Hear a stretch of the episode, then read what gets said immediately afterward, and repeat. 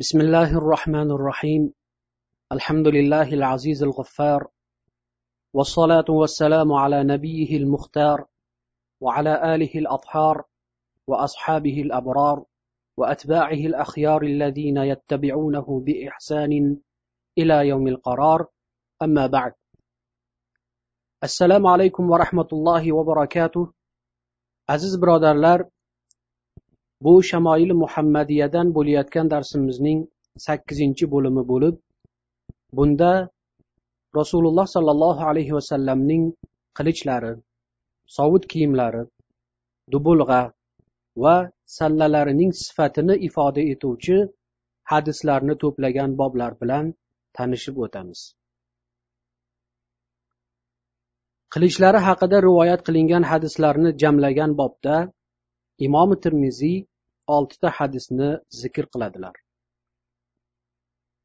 Bir yuz beshinchi hadis قال حدثنا محمد بن بشار قال حدثنا وهب بن جرير قال حدثنا أبي عن قتادة عن عنس قال كانت قبيعة سيف رسول الله صلى الله عليه وسلم من فضة أنس بن مالكتان روايات قلنادي aytadilarki rasululloh sollallohu alayhi vasallamning qilichlarining dastagi dastagining bosh qismi kumushdan edi ya'ni qilichni ushlaydigan tarafining oxirgi qismi kumushdan bo'lgan ekan odatda u ushlanadigan o'rin temir yoki kumush bilan bezalar edi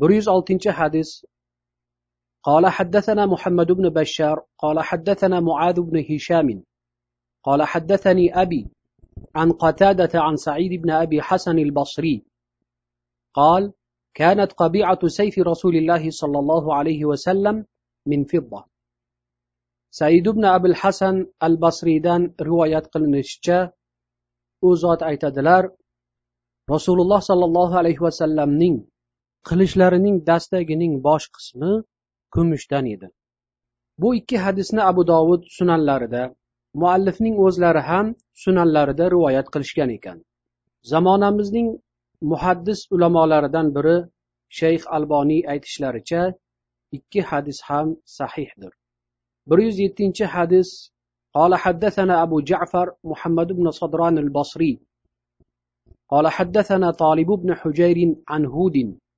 وهو ابن عبد الله بن سعيد عن جده قال دخل رسول الله صلى الله عليه وسلم مكة يوم الفتح وعلى سيفه ذهب وفضة قال طالب فسألته عن الفضة فقال كانت قبيعة السيف فضة ابن عبد الله ابن سعد bobolaridan rivoyat qilib aytadilarki payg'ambar sollallohu alayhi vasallam fath kuni makkaga kirganlarida qilichlarida tillo va kumush bor edi ya'ni tillo va kumush bilan bezatilgan edi. Tolib aytadiki men undan kumushni so'radim. U kumush dastakning boshida edi deb javob qildi. Muhaddis ulamolardan biri imom zahabiy mezon deb nomlangan kitoblarida tilloni bu hadisda zikr qilinishi munkardir. Biz rasululloh sollallohu alayhi vasallamning qilichlarida tillo bo'lganligini bilmaymiz deydilar. Munkar degan so'zlari hadis fanidagi mustalah ilmiga oid termin bo'lib biz tushungan yomon yoki gunoh ish degani emas. Balki uning ma'nosi rivoyatda zaif deb tanilgan kishi sahih rivoyat qiladigan kishilarga xilof qilib rivoyat qilib qo'ysa ya'ni hammalari bir narsani xuddi kelishib olgandek bir xil hikoya qilsalaru bu kishi kelib ular aytgan narsaga zid so'zlasa u rivoyat qilgan hadis munkar hisoblanib uning rivoyatini tashlab u xilof qilgan kishilarning hadislarini olinadi xulosa shuki munkar hadis zaif hadislar turkumidan bo'lib unga amal qilish joiz emas bir yuz sakkizinchi hadis قال حدثنا محمد بن شجاع البغدادي قال حدثنا أبو عبيدة الحداد عن عثمان بن سعد عن ابن سيرين قال صنعت سيفي على سيف سمرة بن جندب وزعم سمرة أنه صنع سيفه على سيف رسول الله صلى الله عليه وسلم وكان حنفيا tobiinlardan ibn sirin rahimaullohdan rivoyat qilinadi aytadilarki qilichimni samurat ibn jundabning qilichlari shaklida yasab oldim chunki u zot qilichimni rasululloh sollallohu alayhi vasallamning qilichlari shaklida yasaganman der edilar. Va u qilich hanafiy edi deydilar. Ulamolar bu ismda ikki xil o'qish joiz ya'ni roviyning ismi samurat ibn jundab yoki jundub o'qishlik mumkin deydilar. Hanafiy esa musaylamaning qabilasi bo'lmish bani hanifa qabilasining qilichlari shaklida bo'lishidir chunki bu qabila qilich yasashda juda mohir edilar bu qilichni ham o'sha qabilaga mansub kishi yasab bergan ekan bir yuz to'qqizinchi hadis قال حدثنا عقبة بن مكرم البصري قال حدثنا محمد بن بكر عن عثمان بن سعد بهذا الإسناد نحوه bu hadis ham xuddi avvalgi hadisning o'zidir shuning uchun uni o'qishga hojat yo'q. Bu o'qilgan uchta hadislarning isnodlarini ulamolar zaif hadislar qatoriga qo'shadilar. Ammo hadislarning asli sahihdir. Imom termiziy ularni rivoyat qilishlaridan bir qancha biz bilgan va bilmagan maqsadlar bor. Masalan shu rivoyatlarni yosh tajribasiz tolibi ilm biror kitobda isnodlari zaifdir deb uchratib qolsa uning matnini ham butunlay zaifga chiqarib qo'yishi mumkin. Yoki aks holat bo'lishi ham haqiqatdan yiroq emas.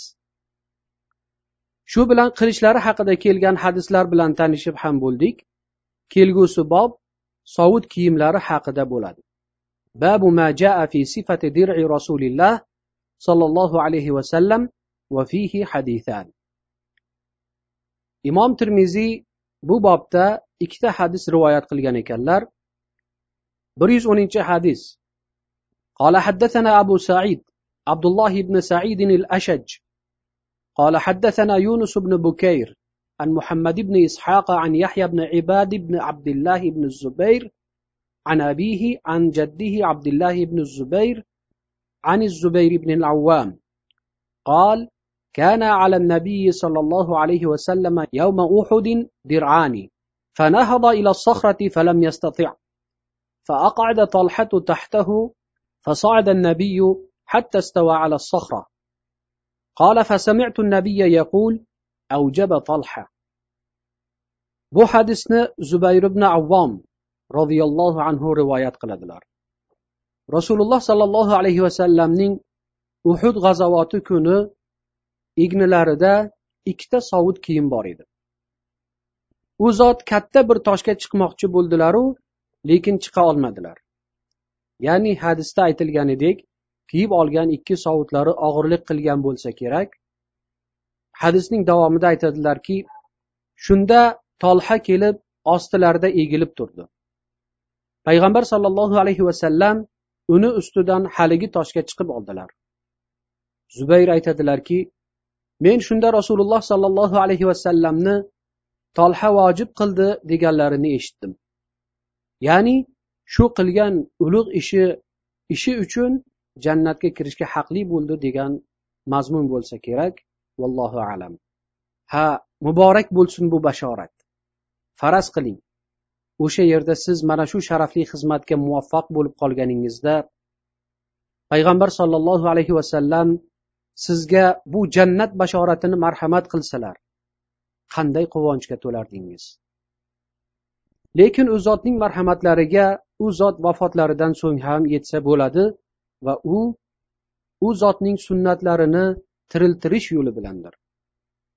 Bu buyuk sahoba tolhat ibn ubaydulloh jannat bashorati berilgan va sho'ro voqeasida umar roziyallohu anhuning vasiyatlariga ko'ra xalifalikka nomzod bo'lgan olti kishining biri bo'lgan edilar bu zot hijratning o'ttiz oltinchi yili oltmish to'rt yoshlarida jamal ma'rakasida vafot etdilar bir yuz o'n birinchi hadis qola حدثنا ابن أبي عمر قال حدثنا سفيان بن عيينة عن يزيد بن خصيفة أو خصيفة عن السائب بن يزيد أن رسول الله صلى الله عليه وسلم كان عليه يوم أحد dir'ani qad zahara baynahuma. Sa'ib ibn yaziddan rivoyat qilinadi. U zot aytadilarki rasululloh sallallohu alayhi va sallam uhud kuni ikki sovut kiyimni birini ichlaridan ikkinchisini ustilaridan qilib kiyib olgan edilar. Bu ikki hadisda payg'ambar sollallohu alayhi vasallamning sovut ya'ni urushda kiyiladigan temir halaqalardan iborat bo'lgan kiyim kiyganliklariga ishora qilinmoqda. Albatta har bir ish uchun sabablarini tayyorlab qo'yish aqidaga xilof emas. Masalan birov olloh saqlaydi deb quroli bo'la turib uni qo'liga olmay jang maydoniga kirishi durust emas. Yana bundan tashqari ulamolar bunday kiyinish kishini urush maydoniga dadil olib borib natijada ko'p jasoratlar ko'rsatishi va katta katta qahramonliklar qilishiga olib boradi deydilar باب ما جاء في صفة مغفر رسول الله صلى الله عليه وسلم وفيه حديثان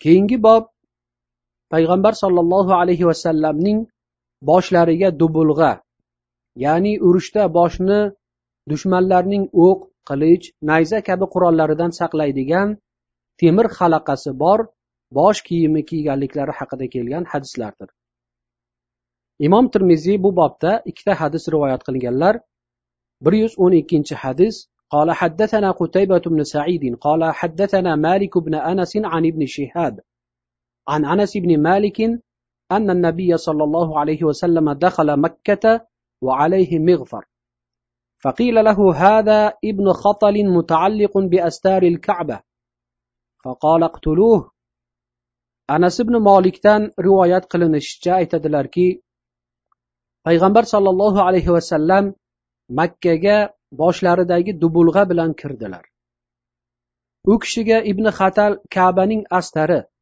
ya'ni uni o'ralgan pardasiga osilib turibdi deyildi shunda o'ldiringlar uni dedilar bu kabaning atrofiga o'ralgan parda hozirda ipakdan to'qilgan bo'lib qora rangdadir. Hadisda ikkita asosiy masala bor. Birinchisi islomga juda ko'p aziyatlar bergan kishining taqdiri bo'lib rasululloh sollallohu alayhi vasallam uni kechirmadilar. Sababi u avval islomga kirib keyin murtad bo'lgan va qo'l ostidagi bir musulmon kishini o'ldirgan ekan. Va kabaga kelib uning pardasiga osilganda ham islomga kirganligini ifoda etadigan so'z so'zlamagan ekan. Vallohu alam. Endi murtadning hukmiga kelsak uning hukmi o'limdir. Ikkinchi masala ulamolar o'rtalarida makka fathi sulh bilan fath qilindimi yoki urush yo'li bilanmi degan ixtilofdir. Urush yo'li bilan deganlar mana shu hadisni ham dalil qilib payg'ambar sollallohu alayhi vasallam makkaga boshlariga urush alomatini bildiradigan dubulg'a kiyib kirdilar bu makka fathining urush orqali fath qilinganligiga yorqin va keskin dalil bo'la oladi deydilar vallohu alam bir yuz o'n uchinchi hadis قال حدثنا عيسى بن أحمد قال حدثنا عبد الله بن وهب قال حدثني مالك بن أنس عن ابن شهاب عن أنس بن مالك أن رسول الله صلى الله عليه وسلم دخل مكة عام الفتح وعلى رأسه المغفر. قال فلما نزعه جاءه رجل فقال له ابن خطل متعلق بأستار الكعبة فقال اقتلوه قال ابن شهاب وبلغني أن رسول الله صلى الله عليه وسلم لم يكن يومئذ محرما anas ibn molikdan rivoyat qilinadigan bu hadisda aytadilarki payg'ambar sollallohu alayhi vasallam makka fath qilingan kuni makkaga boshlaridagi dubulg'a bilan kirdilar. Uni boshlaridan yechganlarida bir kishi kelib ibn xatal kabaning astariga ya'ni aytib o'tganimizdek kabani o'rab qo'yilgan pardasiga osilib turibdi dedi. Shunda rasululloh sollallohu alayhi vasallam o'ldiringlar uni dedilar. Ibn shihob aytadilarki menga yetib kelishicha payg'ambar sollallohu alayhi vasallam o'shanda ehromsiz bo'lgan ekanlar. Bu hadisda yana ulamolar o'rtalarida ixtiloflik masalalardan biri bo'lgan makkaga ehromsiz kirish masalasi bor. Aksariyat ulamolar makka yeriga ehromsiz kirish mumkin emas deb faqat mana bunday zarurat o'rinlardagina ruxsat beradilar. Biz ulamolar ixtilof qilganlar deb o'tyapmiz. Bu ulamolardan maqsad ijtihod shartlarini o'zlarida mukammal qilgan mushtahidlarni nazarda tutyapmiz. Albatta bu ulamolar hadislar taqozo qilgan ma'nolarni tahlil qilib uning maqsad va mazmunlarini aniqlashda bir birlari bilan tortishib goho bir birlarini tanqid qilishlarida islom ummati uchun juda katta manfaatlar bor. Chunki ular ulkan ilmlari tufayli ilmiy bahslar qilishib ko'p muammolarni yechib haqiqatlarga yetishadilar. Va islom ummatiga biz bilan sizlarga bu masalalarni go'zal va oson uslublarda yetkazadilar. Ammo mana bunday ijtihod darajasiga yetishmagan qur'on va hadislarning mazmuni u yoqda tursin arab tilini yaxshi mukammal qila olmagan chala savodlarning bir birlari bilan tortishuvlari islom ummati uchun ofatdan boshqa narsa emas. Alloh taolo o'zi bunday ofatu balolardan saqlasin. Bu bob ham nihoyasiga yetib keyingi bobga o'tamiz. Babu ma jaa fi imamati nabiy sollallohu alayhi vasallam va fihi xamsatu ahadid keyingi bob rasululloh sollallohu alayhi vasallamning salla kiyganliklari haqida bo'lib bunda beshta hadis rivoyat qilinadi bir yuz o'n to'rtinchi hadis قال حدثنا محمد بن بشار قال حدثنا عبد الرحمن بن مهدي عن حماد بن سلمة قال حا وقال حدثنا محمود بن غيلان قال حدثنا وكيع عن حماد بن سلمة عن أبي الزبير عن جابر قال دخل النبي مكة يوم الفتح وعليه عمامة سوداء jobir roziyallohu anhudan rivoyat qilinib u zot aytadilar rasululloh sollallohu alayhi vasallam fath kunida makkaga qora salla o'ragan holda kirdilar bu hadis qora salla o'rash joizligiga hujjat bo'lib